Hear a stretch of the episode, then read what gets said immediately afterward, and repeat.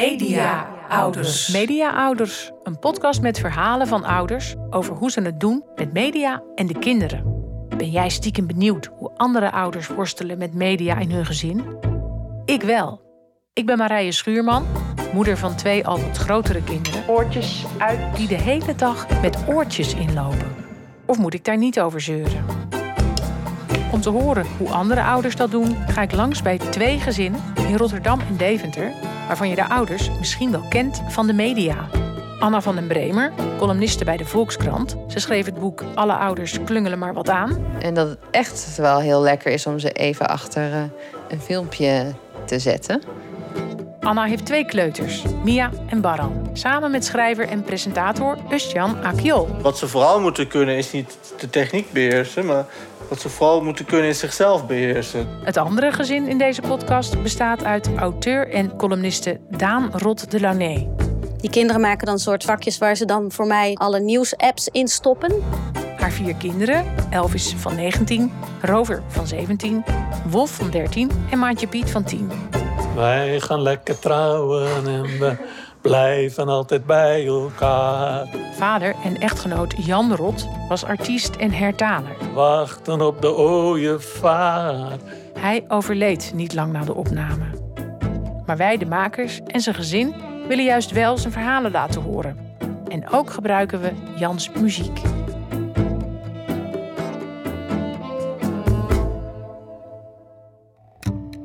Aflevering 2.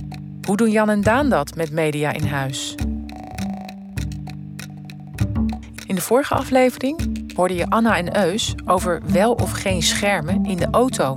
Aan het eind van deze aflevering hoor je hem weer over schermen, namelijk in verband met hun aanstaande vakantie. Maar eerst maken we kennis met de familie Rot en hun vier kinderen. Dus een wat langere aflevering.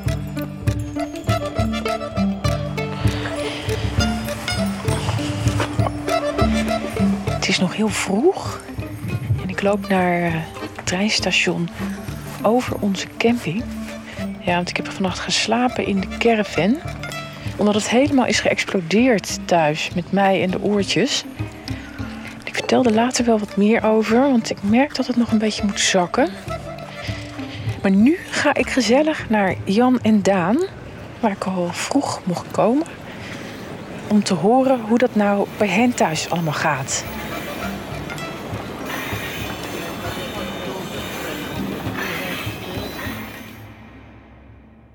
Maar het lijkt wel een soort uh, tweede taal die ze al spreken of zo. Dit is Daan. Of die ze al, aldoende leert men, maar dan aldoende leert men supersnel. Net als Anna en Eus staan Jan en Daan verbaasd over hoe digitaal vlot hun kinderen zijn. Want ze hadden mijn iPad ingepikt en dan Ja.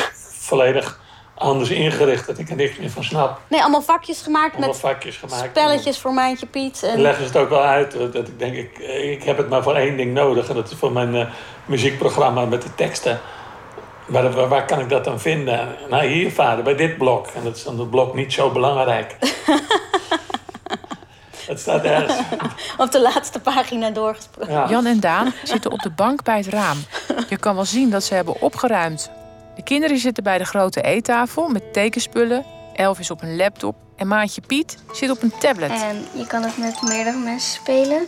Tot met vier spelers. Dit is maatje Piet. Dat spelletje van Maantje Piet. Tuintje bouwen. Ja, Animal Crossing heet Oh, dat is dat. Ja, ja, ja. En nou ja, je kan allemaal taakjes doen. Het is gewoon een wereld bouwen en, en, en bloemen plukken. En, maar er zit geen eind aan en geen doel. D- dat snappen we niet. En even kijken. Je hebt ook een eigen huis. En dieren waar je ook mee kan praten die dan op je eiland zitten. Je hebt ook gewoon een winkel. Het is eigenlijk echt een beetje als echt leven. Ze kan dan naar het land van, van haar vriendinnetje op bezoek als het hekje open staat. of zo. Echt leven alleen dan op een onbewoond eiland. Ja, mensen die het niet kennen, die hebben geen idee waar we het over hebben. Maar je bouwt in ieder geval een soort droomeilandje. Ja. eh, met, met spulletjes. En je eigen dat breek je weer af ook. En dan...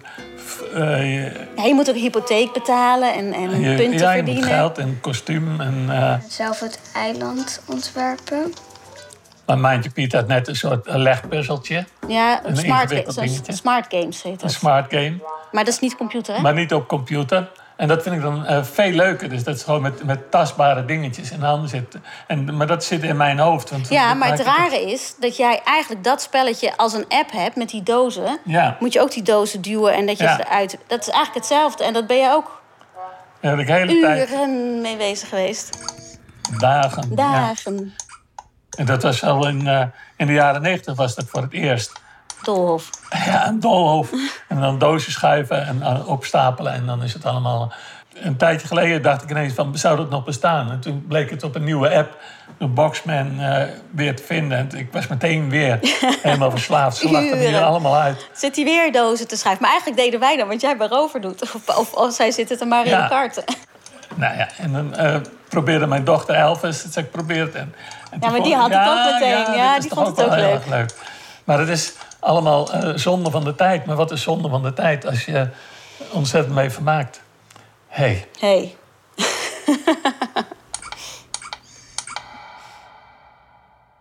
De apparaten winnen het inmiddels wel van de boeken vaak. Dus dat je dan wel weer moet aansporen van... eh, je was nog een lekker boek aan het lezen. TikTok. TikTok, ja, maar dat, weet, dat is Wolf. Ze kunnen wel een dansje doen straks. En ze gamen ook op een... Wij hebben geen televisie meer, maar dat kunnen we ook nog wel vertellen. Maar een beamer. Dus daar, daar doen we alle televisie mee kijken. En eh, voetbal en films. Maar ook gamen. En dan vind ik het ook leuk om mee te doen. Als het op zo'n groot scherm is. TikTok is voor mij, was voor mij de grens. Zeg maar. De kinderen vermaken zich er uitstekend mee. En dat snap ik ook. Vind ik ik moet ook ontzettend lachen om al die gifjes eh, die er zijn en die filmpjes. Maar als je maar- op een gegeven moment al die voetbalwedstrijden eh, ziet bij het EK. De hele tijd maar TikTok, Ja, TikTok. die als reclame, ja. reclame. Je denkt, zij proberen nu een ander publiek. eh, Ja, die kinderen proberen zitten niet te te lokken kijken. ook. Ja. en dat je bijna daardoor... Want zo gevoelig werkt reclame toch wel. Ik denk van, Oh, ik moet ik daar niet iets mee met TikTok? Wolf van 13 is een ervaren TikToker. Dus dan doe je zeg maar. Moet ik jou filmen? dus dan gaat hij zeg maar heel langzaam. En dan kan je zeg maar. So no one told you life was gonna. En dat ziet er dan meteen alsof je het. Dan moet je niet zeg maar zo gaan filmen, want dan zie je alsof het heel snel gaat. Je hoort jezelf niet op het filmpje als je filmt, want er gaat iets overheen. Dus je kan eigenlijk gewoon helemaal meepraten en alles. Want als je zelf al gaat lipzinken en dan ook nog een geluidje eroverheen, dan ziet het er al meteen lipzinkerig uit. Wolf gebruikt TikTok ook om te oefenen met snel dansjes leren. Want hij zit op een theater- en dansschool. Oh ja. Hem en de andere kinderen zie je al jarenlang op filmpjes in het blog Maandag Daandag van hun moeder Daan. Waar bloggen we dan over? eh vintage kleding, theater, boeken, eten. Willen ze dan altijd allemaal meedoen? Vrolijkheid. Meestal zien ze er allemaal heel blij uit in het blog. Maar tijdens de lunch hoor ik dat Elvis, de oudste dochter, een keer een veto uitsprak. Nou, toen was ik aangenomen in Maastricht. Oh ja. De toneelacademie Maastricht. Ja. En ik had dat dan net gehoord en toen ging ik iedereen bellen.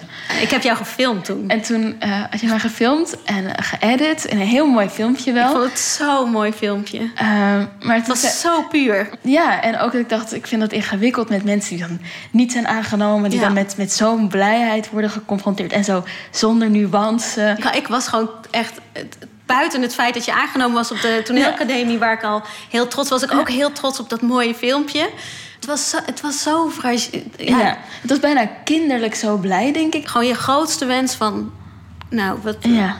twee jaar oud. Gewoon, nou ja, gewoon van kleins af aan in verkleedkleren Ja. kwam uit. En ik had gewoon die telefoon en ik had het op... Maar ja, ja het, was te, ik, het, was, het kwam te dichtbij. Ja. Het kwam te dichtbij. En ik was zo, nee. En, maar dat je ook zo de eerste keer dan zo denkt... Nee, maar dit wil ik echt, Echt niet. En ik ga nu ook niet met, met je erin mee. Ja, ik gun, het je, ja, ik gun het je ook niet omdat het een mooi filmpje is. Nee, maar ik en wil het omdat gewoon je niet. mijn moeder bent. Of, en Ja. natuurlijk ben je trots, maar ik, ik, ik wil dit niet. Ja, ja.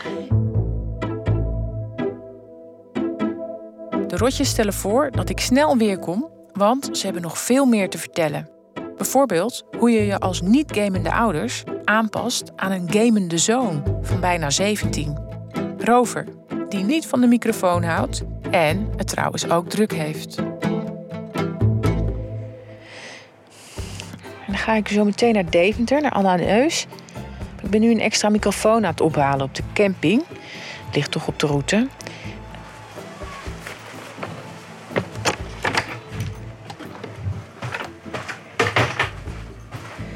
Zo, hallo Caravan. Ja, Caravan zegt ook niks terug, maar heeft tenminste geen oortjes in. Ja, ik blijf een paar dagjes in de caravan. Heb ik afgesproken thuis, want eh, ja, ik kan wel steeds boos worden. Maar ik moet ook even misschien zelf nadenken van hoe ik dat nou anders... Hoe ik daar nou anders mee om kan gaan.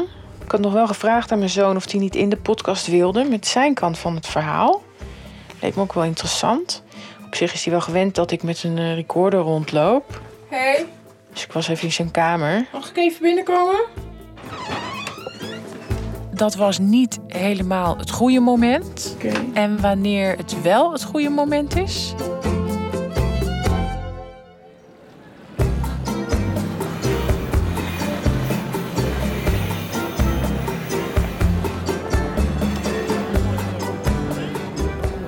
Vanaf het station is het een stukje lopen door Deventer. En dan luister ik graag even de Niet Werken podcast die Anna maakt voor de Volkskrant. Een carrière waar je gelukkig van wordt, gaat niet alleen over zoveel mogelijk uren maken of steeds hoger opkomen. We zijn allemaal op zoek naar de balans tussen werk en privé. Hoe bereik je wat je wil zonder een burn-out te krijgen? En hoe weet je eigenlijk wat je wil? En is werk eigenlijk wel zo belangrijk? Daar gaan we het over hebben in deze podcast. Oh, en deze, die vind ik heel leuk voor tijdens het hardlopen. Onze man in Deventer. Onze man in Deventer van Usjan. Eus-Jan Akjol. Goedenacht, dames en heren. Welkom bij een nieuwe aflevering van Onze Man in Deventer. Het programma op de zaterdagnacht waarin ik iedere keer weer een prominent iemand mag ontvangen... in mijn eigen woonkamer in Deventer live. Zo, even aanbellen. Er staat een vrolijk pakketje op de trap met zwembandjes. Nou ja, we gaan eh, dus op vakantie naar Portugal. En we zitten wel een beetje ja, te bedenken van wat wordt, eh, wordt onze schermroutine daar. Want alles is anders. Je zit in een ander huis. Eh, hier hebben ze heel duidelijk hun mediaroutine. Van hè, in de ochtend mogen ze even tv kijken. Vaak als we koken. Ehm, en ook gewoon de, de tv versus de tablet. In de ochtend dan even de tv, in de middag even de tablet. Eh, daar is het, eh, ja, de, alles is anders. Het hele ritme is anders. Eh, maar tegelijkertijd denk je ook als ouders... het is ook wel even fijn een rustmomentje. Maar je zit natuurlijk 24-7 eh, met, je, met je kinderen op vakantie met het gezin.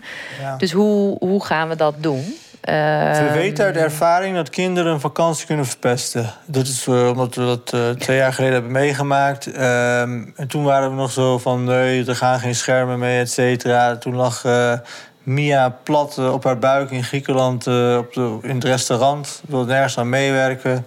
Eh Baram was niet stil te krijgen. Je krijgt tandjes, dat is één en, grote... eh, we weten, kijk, normaal zouden ze in Nederland nooit doen. Maar als, je straks, als wij straks in Portugal willen eten ergens... Dat, dat hebben we toen ook gemerkt toen we daar waren de laatste keer... dan moeten we gewoon iets hebben om hen bezig te houden. Dus dan, dan, dan in ieder geval als je langer dan... als je lang wil blijven Ja, ik bedoel dat hal- half uurtje. Maar wil je even Ja. echt een keer iets eh Dus dan ontkom je gewoon niet eraan. Eh, om, om, om ze toch eh, iets te geven wat rustgevend is. Nou, je kan kiezen voor eh oxazepam of zo, maar misschien is een scherm dan toch net wat slimmer. dus dan, dan moeten we toch even onze eigen principes overboord Ja. gooien. En nou ja, daar, daar denken wij nu wel heel erg over na. Van, Die discussie ook. En inderdaad, omdat ik, ik zie dat het zo... Ik wil het liefst zo lang mogelijk uitstellen. Weet je, ook eerst met kleurtjes. En, en dat bij Mia gaat dat wel. Ik denk ook als we met haar ergens alleen zouden zitten... dat we bijna met, met tekenen prima zouden redden. ja. Maar Baran is jonger, is minder van het tekenen. Ehm, En die combinatie? ze zijn met z'n tweeën echt gewoon heel ondeugend. Lol trappen. En dan als je dan in een restaurant zit.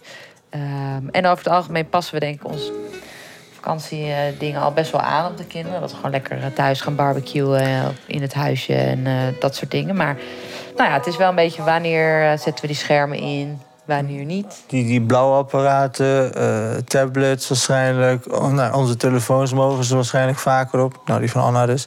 Dus ehm, ja, het is een echt een noodzakelijk kwaad eventjes. Kijk, hier heb je wat meer alternatieven, maar daar niet. Wat er wel mee gaat en wat niet, hoor je de volgende keer. Dit was aflevering 2 van Media Ouders. Wil je meer verhalen? Abonneer je dan via je podcast-app. We vinden het extra leuk als je een review geeft. Dan kunnen nieuwe luisteraars ons beter vinden.